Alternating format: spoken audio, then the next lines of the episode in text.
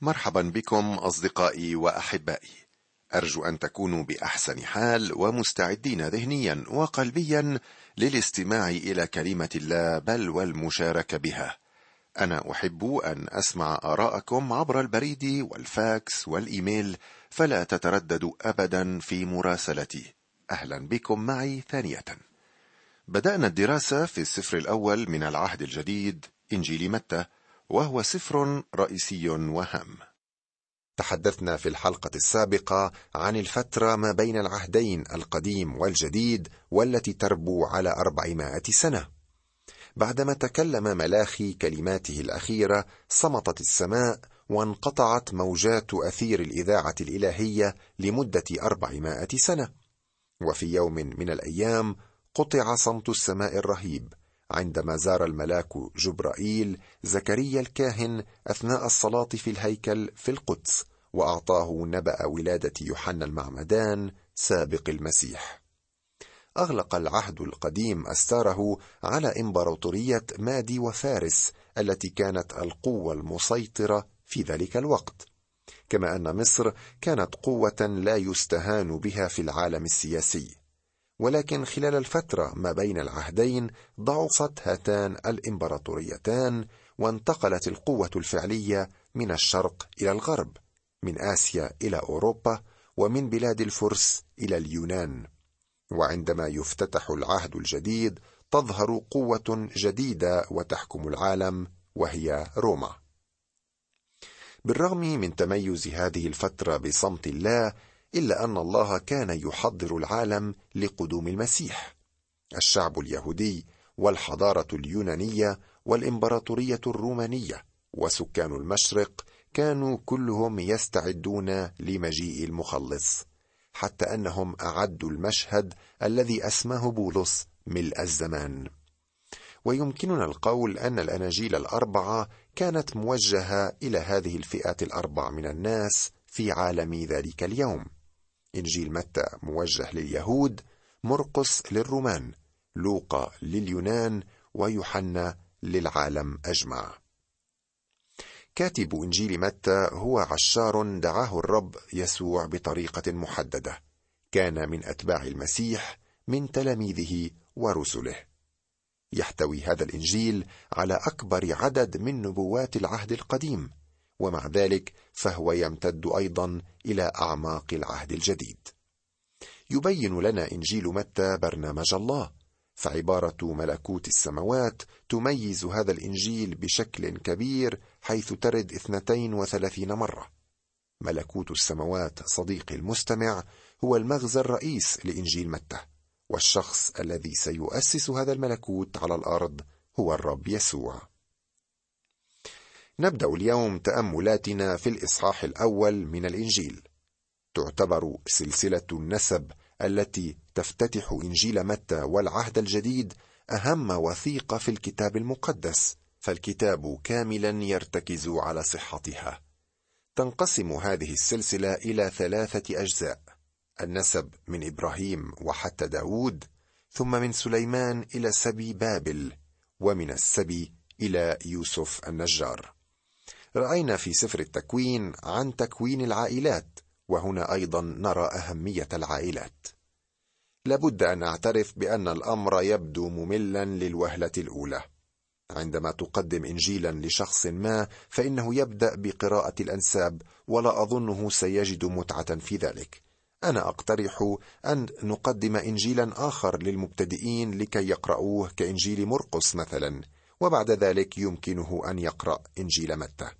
ولكن هذا لا يقلل ابدا من أهمية سلسلة نسب المسيح. تبين هذه السلسلة أن المسيح جاء من نسل إبراهيم ونسل داود وكلاهما على درجة كبيرة من الأهمية. نسل إبراهيم يضعه في صلب الأمة ونسل داود يضعه على العرش فهو من النسل الملوكي. والأنساب كانت مهمة جدا للشعب القديم فمن خلالها كانوا يحددون ما إذا كان الشخص أهلا لينتسب إلى نسل معين أم لا. مثلا عندما عاد الشعب من نسل بابل نجد في سفر عزرة أن هؤلاء فتشوا على كتابة أنسابهم فلم توجد فرذلوا من الكهنوت. كان من الممكن في زمن عزرة تفقد سجل سبط لاوي وإبعاد الذين لا ترد أسماؤهم في هذا السجل. كانت هذه السجلات موجودة في الهيكل تحتفظ بها السلطات ولكنها متاحة للجميع ليطلعوا عليها. وهذه السلسلة بالذات لابد وانها نسخت من الهيكل قبل أن يدمر عام سبعين ميلادي. ومن المثير أن نعرف أن أعداء المسيح حاولوا أن يطعنوا في موته وقيامته ولكنهم لم يستطيعوا أن يتلاعبوا في سلسلة النسب هذه التي كانت واضحة للجميع. وهذا مهم جدا لأنه يضع يسوع في مركز متميز. في موضع معين قال يسوع أن راعي الخراف يدخل من باب الحظيرة أما اللص فيجد طريقة أخرى غير شرعية للدخول والحظيرة تشير إلى الأمة اليهودية القديمة. وهكذا ولد يسوع يهوديا من نسل إبراهيم وداود وهو بذلك دخل من باب الحظيرة. هذا ما يضعه متى أمامنا. يسوع هو تتميم كل شيء ذكر في العهد القديم. يحكى عن أحد المبشرين الذي كان يترجم إنجيل متى إلى إحدى اللغات المحلية. وبعد جهد جهيد انتهى من ترجمة السبعة عشر عددا الأولى من الإصحاح الأول من هذا الإنجيل التي تتكلم عن سلسلة نسب المسيح. وفكر في نفسه قائلا يا له من وقت طويل أنفقته في هذا الجزء وأي شيء في هذه السلسلة الجافة من الأسماء سيفيد هؤلاء الوثنيين؟ وبينما هو يتفكر في هذه الأمور زاره أحد الأهالي وسأله عما يفعل فأخبره بأنه كان يقوم بترجمة جزء من إنجيل متى وبدأ يقرأ له بعض ما ترجم. كان الزائر يستمع إلى القراءة بشغف شديد بعكس ما كان المبشر يتوقع. وعندما انتهى من القراءة قال له الزائر والآن أريد أن أسمع منك أكثر عن يسوع هذا لأني أريد أن أؤمن به.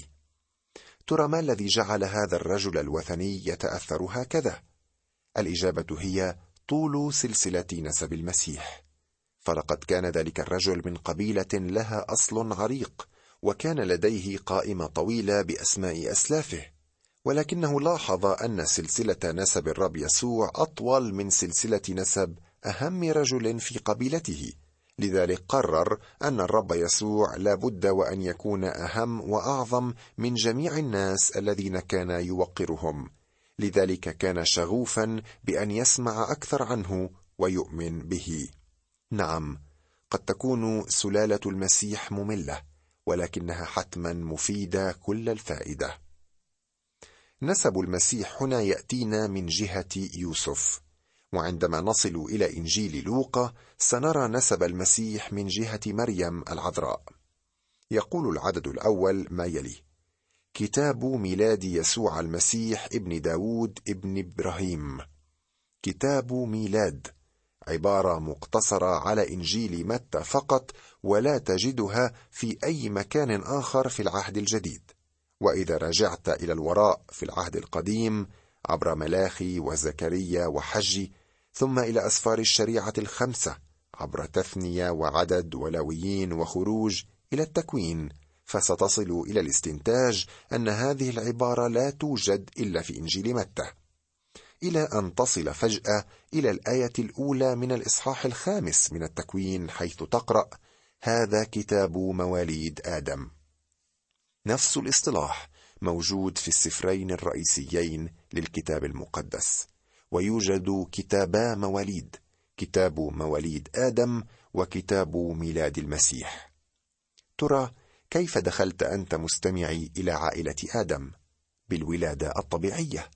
لم تصمم ذلك ولم يكن لك يد في الأمر ابدا. وبنفس الطريقة فإن كل الذين في آدم أي كل البشر يموتون في آدم أيضا. فكتاب آدم في الواقع هو كتاب موت. وماذا عن كتاب ميلاد المسيح؟ كيف دخلت إلى تلك العائلة؟ بالولادة أيضا. ولكن الولادة الروحية أو الجديدة. قال يسوع أنه ينبغي أن نولد من فوق لنقدر أن نرى ملكوت الله. وهذا يضعنا في سفر حياة الخروف عندما نقبله بالإيمان في حياتنا.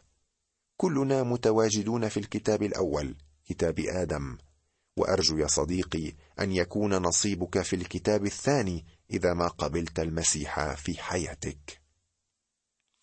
القصد من السلسلة هو إثبات أن يسوع هو من العشيرة التي كان يجب أن يأتي منها المسيح.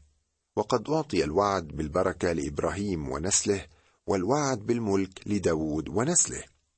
قال متى أن يسوع ابن داود ابن إبراهيم؟ ألم يعلم أن إبراهيم جاء قبل داود؟ بالطبع لأنه يوضح ذلك في بقية السلسلة. اذا لماذا يعكس الترتيب هنا؟ لأنه يقدم المسيح كملك المسيا المنتظر الذي سيؤسس ملكوت السماوات على الأرض وهذا يأتي اولا. وداود هو الملك الذي اعترف به الله. يجب أن يكون من نسل داود تتميما للنبوات التي أعطاها الله لداود يسوع ابن داود. وهو أيضا ابن إبراهيم وهذا مهم جدا لأن الله وعد إبراهيم قائلا ويتبارك في نسلك جميع أمم الأرض. وفي رسالة غلاطيا يشرح الرسول بولس من هو النسل. وأما المواعيد فقيلت في إبراهيم وفي نسله لا يقول وفي الأنسال كأنه عن كثيرين بل كأنه عن واحد وفي نسلك الذي هو المسيح. يسوع ابن إبراهيم. أرجو يا ميسون أن تقرأي لنا الآن من إنجيل متى والأصحاح الأول بعض الأعداد من العدد الثاني. إبراهيم ولد إسحاق وإسحاق ولد يعقوب. ويعقوب ولد يهوذا وإخوته ويهوذا ولد فارس وزارح من ثمار وفارس ولد حصرون وحصرون ولد أرام وأرام ولد عم نداب وعم نداب ولد نحشون ونحشون ولد سلمون وسلمون ولد بوعز من رحاب وبوعز ولد عبيد من راعوث وعبيد ولد يسى ويسى ولد داود الملك. وداود الملك ولد سليمان من التي لأوريا.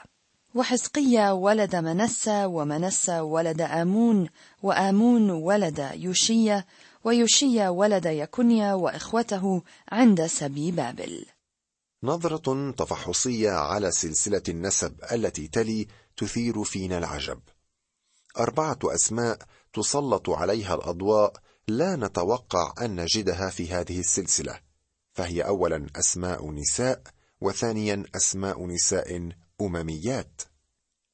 عادة لم تكن أسماء النساء تظهر في كتب المواليد العبرانية، وهذا ليس غريبا علينا، لأن المرأة اليوم في الزواج تحمل اسم زوجها ويتوقف التعامل باسمها بعد زواجها وفي أيام المسيح كان من غير المعتاد أن تجد اسم امرأة في سلسلة النسب ومع ذلك فإننا نجد هنا أربعة. وهؤلاء النساء لم يكن من اليهود بل من الأمم. وتذكر مستمعي أن الله طلب من الشعب القديم في الناموس ألا يتزوجوا من الأمميات. حتى إبراهيم قبل الناموس طلب من خادمه أن يأخذ زوجة لإسحاق من أهل بيته. كان ترتيب الله أن عبادة الإله الواحد هي التي تسود على الذين سيدخلون في نسب المسيح. ومع ذلك فإننا نجد هنا أربعة نساء من الأمم اثنتين من كنعان وواحدة مؤابية والأخرى حثيه والسؤال الآن هو كيف دخلت هذه النساء إلى نسل المسيح؟ ثمار المذكورة في العدد الثالث نجد قصتها في الإصحاح الثامن والثلاثين من التكوين. وقد دخلت ثمار نسب المسيح لأنها خاطئة. رحاب في العدد الخامس لم تكن امرأة مميزة في قصتها في سفر يشوع ولكنها أصبحت كذلك بعدما عرفت الإله الواحد الحي الحقيقي. بالإيمان رحاب الزانية لم تهلك مع العصاة إذ قبلت الجاسوسين بسلام. لقد دخلت إلى نسب المسيح لسبب بسيط أنها آمنت. لاحظ الترتيب مستمعي. اولا تعال كخاطئ ثم اقبل الإيمان. راعوث أيضا في العدد الخامس كانت امرأة رائعة لا عيب فيها. ولكن في ذلك الوقت كانت جنسيتها تمنعها من دخول مجمع الرب. وبالرغم من ذلك جاء رجل اسمه بوعز وأحب راعوث من أول نظرة ومد لها يد النعمة وأدخلها إلى الحظيرة. سألت راعوث قائلة كيف وجدت نعمة في عينيك حتى تنظر إلي وأنا غريبة؟ راعوث دخلت نسب المسيح لأنها خلصت بالنعمة. مرة أخرى لاحظ الترتيب مستمعي. نحن نأتي إلى الله كخطاة ونمسك بيد الإيمان وهو يخلصنا بنعمته. المرأة الرابعة المذكورة في العدد السادس هي بوتشبع والتي لم تذكر باسمها بل بالتي لأوريا زوجها. لم يذكر اسمها لأن الخطية لم تكن خطيتها بل خطية داود.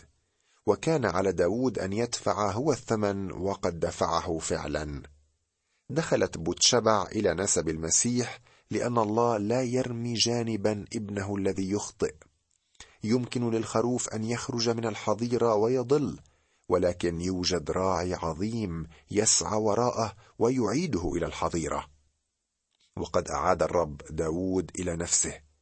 إذا نرى من ذكر هؤلاء النسوة قصة الخلاص كاملة. يوجد في سلسلة النسب التي أمامنا أشياء أخرى رائعة. مثلا إذا قارنت هذه السلسلة مع تلك المذكورة في سفر أخبار الأيام الأول والإصحاح الثالث فستجد أن أسماء الملوك التالية أخزية ويؤاش وأمصية قد حذفت في إنجيل متى ولا بد أن متى قد حذف هؤلاء الثلاثة الذين هم النسل المباشر لتلك المرأة الشريرة عثلية التي نقلت العبادة الوثنية إلى بيت داود. حذفهم ليدل أن الأنساب قد اقتبست لتعطينا فكرة عن بعض السلالات وأنه ليس بالضرورة أن يذكر كل اسم في سلسلة النسب. كما ونجد أن متى يستثني يهو يقيم ويحتفظ بيكونيا ويكونيا هنا يلفت انتباهنا لأن الله قال في نبوة إرميا أن نسله لن يجلس على العرش. حي أنا يقول الرب. لو كان كنياه بن يهويقيم ملك يهوذا خاتما على يد اليمنى فإني من هناك أنزعك. هكذا قال الرب. اكتبوا هذا الرجل عقيما رجلا لا ينجح في أيامه لأنه لا ينجح من نسله أحد جالسا على كرسي داود وحاكما بعد في يهوذا. اسمه هنا كنيا وليس يكنيا لأن الله نزع منه البادئ ياه الذي يعني يهوى. إذ كان هذا الرجل شريرا للغاية. بسبب خطية يكنيا لم يكن ممكنا لأحد من أبنائه أن يجلس على العرش. لاحظ أن يوسف كان من هذا النسل ولكنه لم يكن ابا يسوع بالجسد لم يكن والد يسوع لأن يسوع ولد من العذراء وحدها بقوة الروح القدس. وهذه واحدة من أروع الحقائق في الكتاب والتي يبينها لنا متى هنا.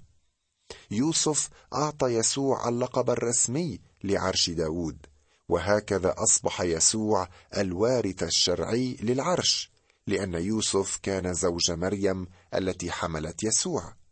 يسوع المسيح ليس نسل يوسف ولا هو نسل يكونيا والجميل في الأمر أن مريم ويوسف كان كلاهما من سبط واحد وعشيرة واحدة ولكن من ابنين مختلفين لداود. مريم أتت من ناثان ويوسف أتى من سليمان. ومن هنا فإن المسيح كان من بيت داود سواء من جهة أمه أو من جهة أبيه الشرعي. هل ترى مستمعي أهمية دراسة الأنساب؟ سنتابع تاملاتنا في إنجيل متى في الحلقة القادمة بإذن الله. إلى اللقاء والرب معك.